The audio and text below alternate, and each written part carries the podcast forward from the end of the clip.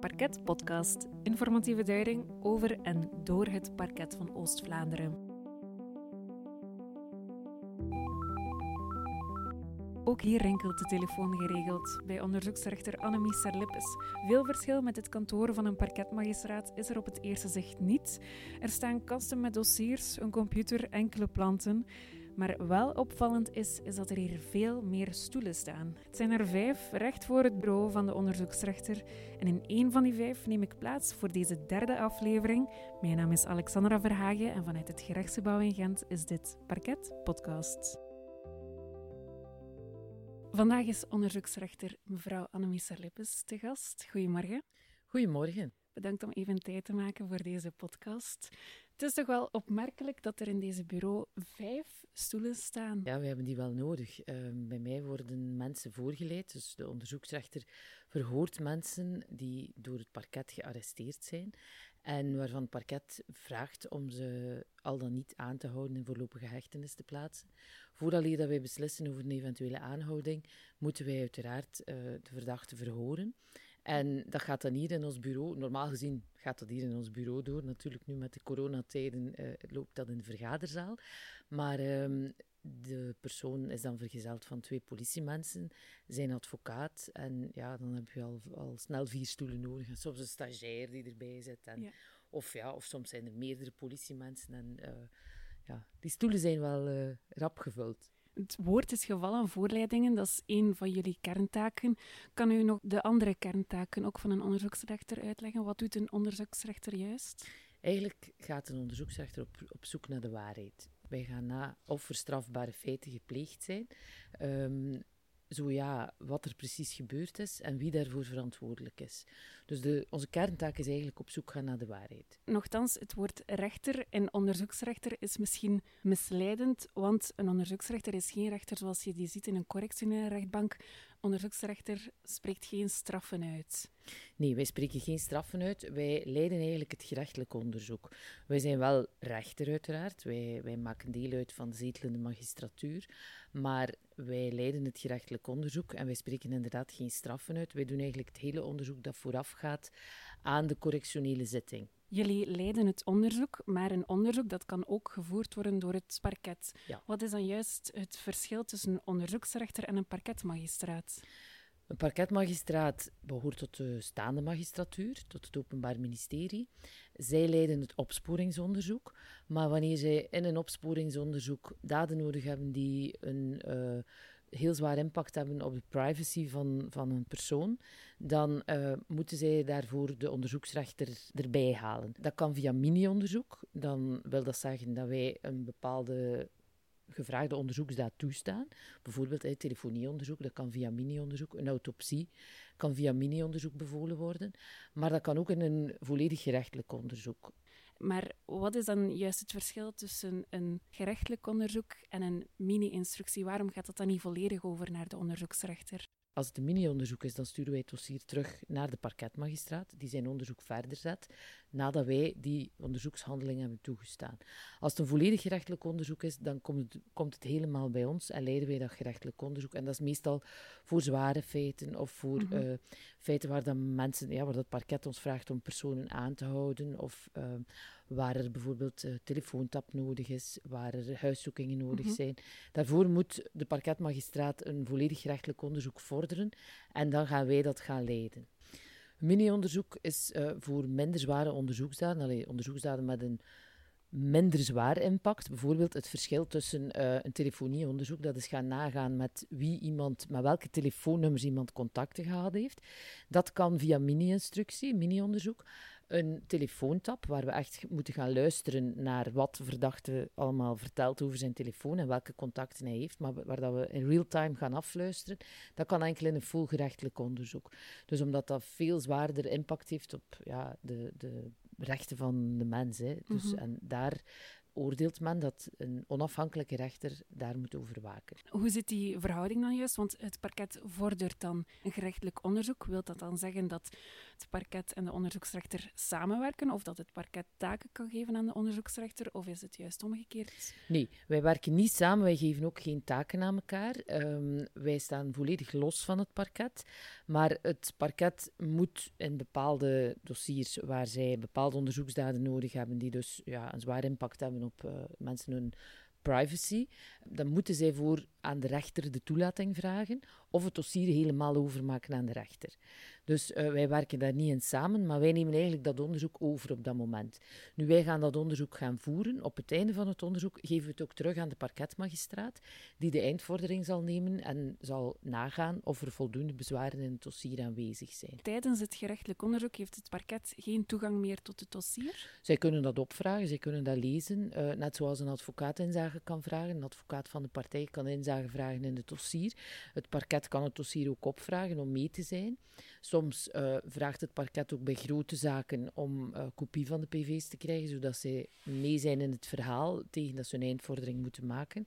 Dus het parket neemt een specifieke positie in, maar is een partij in, in een zaak. Ja. Daar waar dat wij als rechter daar buiten staan. Een onafhankelijke rechter wordt niet zomaar ingeschakeld voor eender welk misdrijf. U zegt voor de zwaarste misdrijven. Welke zijn dat dan allemaal? Dat kan heel erg uiteenlopend zijn. Dat gaat van ja, diefstallen met geweld, diefstallen met braak. Um, gaat ook om in theorie lichtere feiten. Ja, hè, gewone slagen en verwondingen binnen partnergeweld worden wij ook voor gevorderd. Maar wat dat binnen, het, allez, binnen die, die, die, dat gezin is dat heel erg zwaar. Maar in het strafwetboek zijn dat nu niet de zwaarst bestrafte feiten. Maar dat zijn zeker zaken waar dat wij heel veel mee in aanraking komen. Stalking, eh, niet zo zwaar bestraft, maar wel feiten die heel veel voorkomen.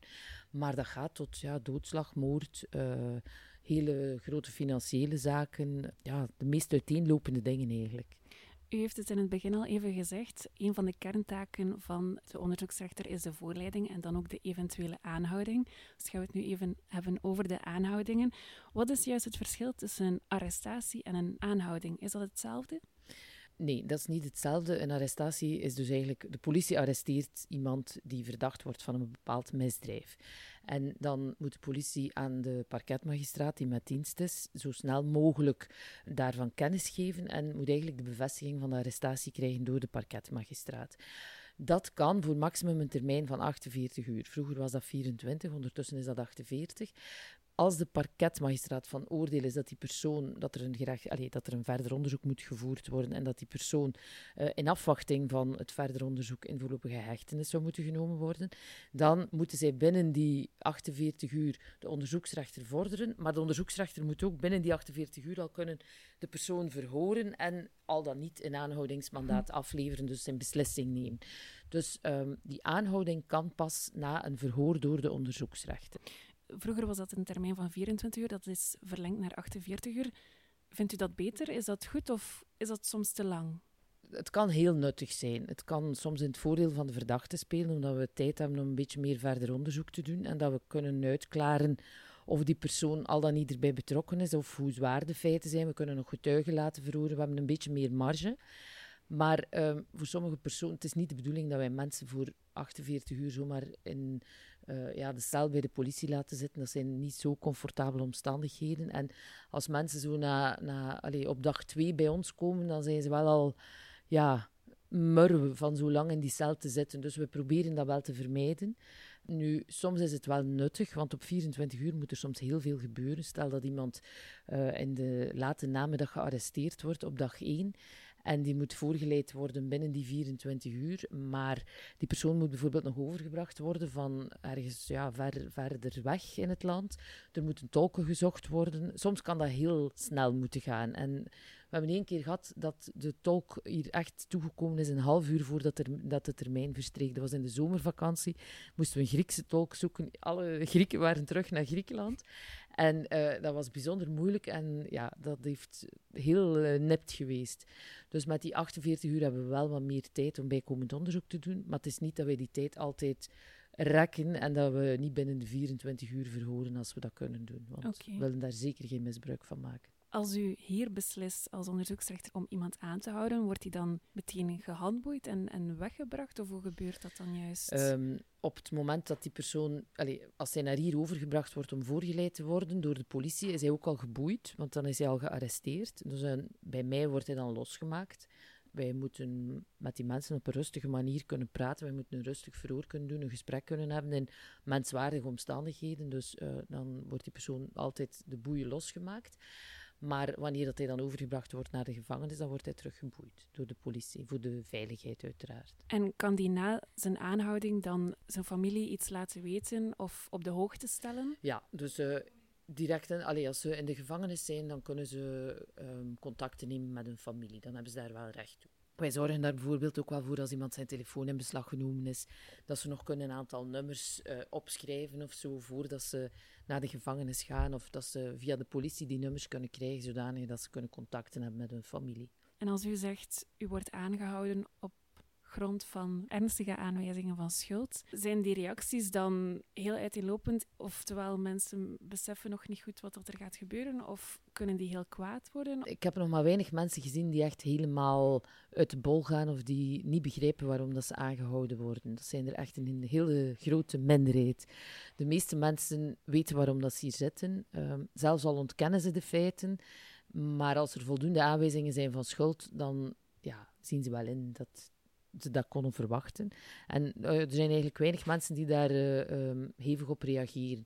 Heel af en toe gebeurt het. Er is al een keer één iemand moeten uit mijn bureau gesleurd worden door zes politiemensen aan handen en voeten. Dat hij heel erg kwaad was. En, ja. Maar dat is zeer uitzonderlijk. Als u als onderzoeksrechter dan beslist om de persoon aan te houden, dan wordt hij in voorhechtenis geplaatst en dan wordt hij wel naar de gevangenis gebracht. Mm -hmm. Is er dan een verschil tussen mensen in voorrechtenis en gedetineerden die al veroordeeld zijn en die echt een gevangenisstraf uitzitten? Is er daar een verschil in regime? Um, een verschil in regime, in theorie wel, maar in de praktijk zitten zij vaak wel door elkaar in de, in de gevangenissen. Nu, uh, het grote verschil is dat iemand die nog niet veroordeeld is, speelt, daar speelt uiteindelijk het, het vermoeden van onschuld. En uh, die persoon moet elke uh, vier weken eigenlijk, elke maand, eerst binnen de vijf dagen na de aanhouding door de onderzoeksrechter en dan elke maand en dan na een tijdje elke twee maand voor de raadkamer komen. Waar dat dus opnieuw een andere onafhankelijke rechter gaat oordelen of dat wel gerechtvaardigd is dat die persoon nog in voorhechtenis blijft.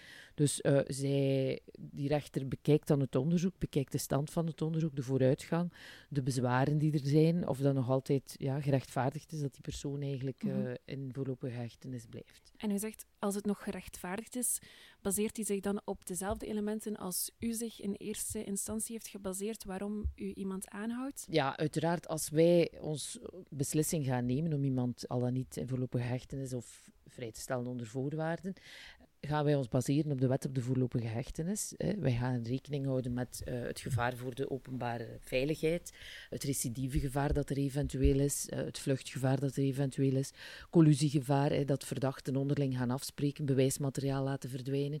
Dus daar gaan wij rekening mee houden. En er moeten uiteraard voldoende aanwijzingen zijn van schuld vooraleer dat we iemand kunnen gaan aanhouden.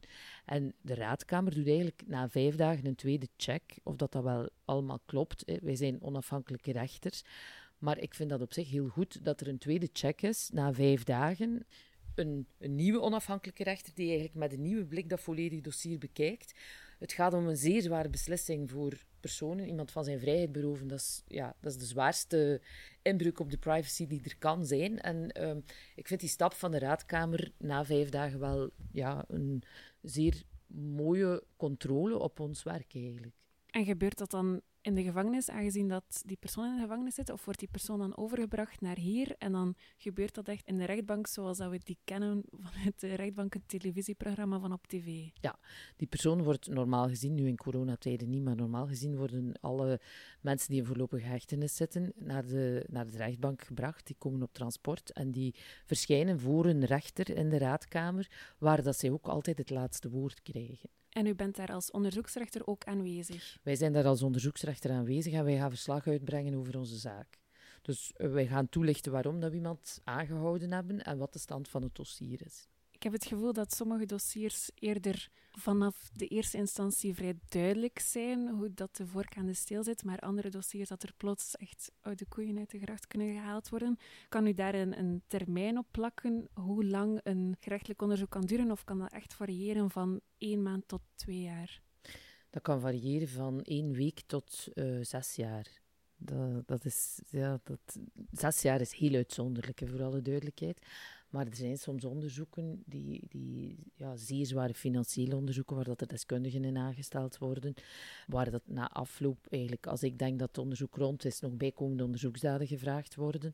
Zaken die, ja, waarbij dat een deskundige is aangesteld, maar waarbij dat de, partijen dan vragen om uh, een college aan te stellen, om dat opnieuw te bekijken. Dus er zijn, er zijn zaken die heel lang duren, er zijn ook zaken die heel snel gaan. Als een onderzoek eigenlijk ja, van meet af aan duidelijk is wat er is gebeurd, wie het heeft gedaan, die persoon gaat in voorlopige hechtenis of wordt vrijgesteld onder voorwaarden. Want ik wil benadrukken, niet iedereen die hier voorgeleid wordt, gaat ook naar de gevangenis. We hebben natuurlijk ook de mogelijkheid om mensen vrij te stellen onder voorwaarden of mensen vrij te stellen tout court. Dus maar van het moment dat duidelijk is en dat het onderzoek eigenlijk rond is, dan delen wij het mee terug aan het parket voor de eindvordering. En dat kan in heel kleine onderzoekjes, kan dat ook ja, binnen een paar dagen zijn. Is dat een van uw bezorgdheden dat het soms te lang duurt? Of kunnen opsporingsonderzoeken door het parket even lang duren?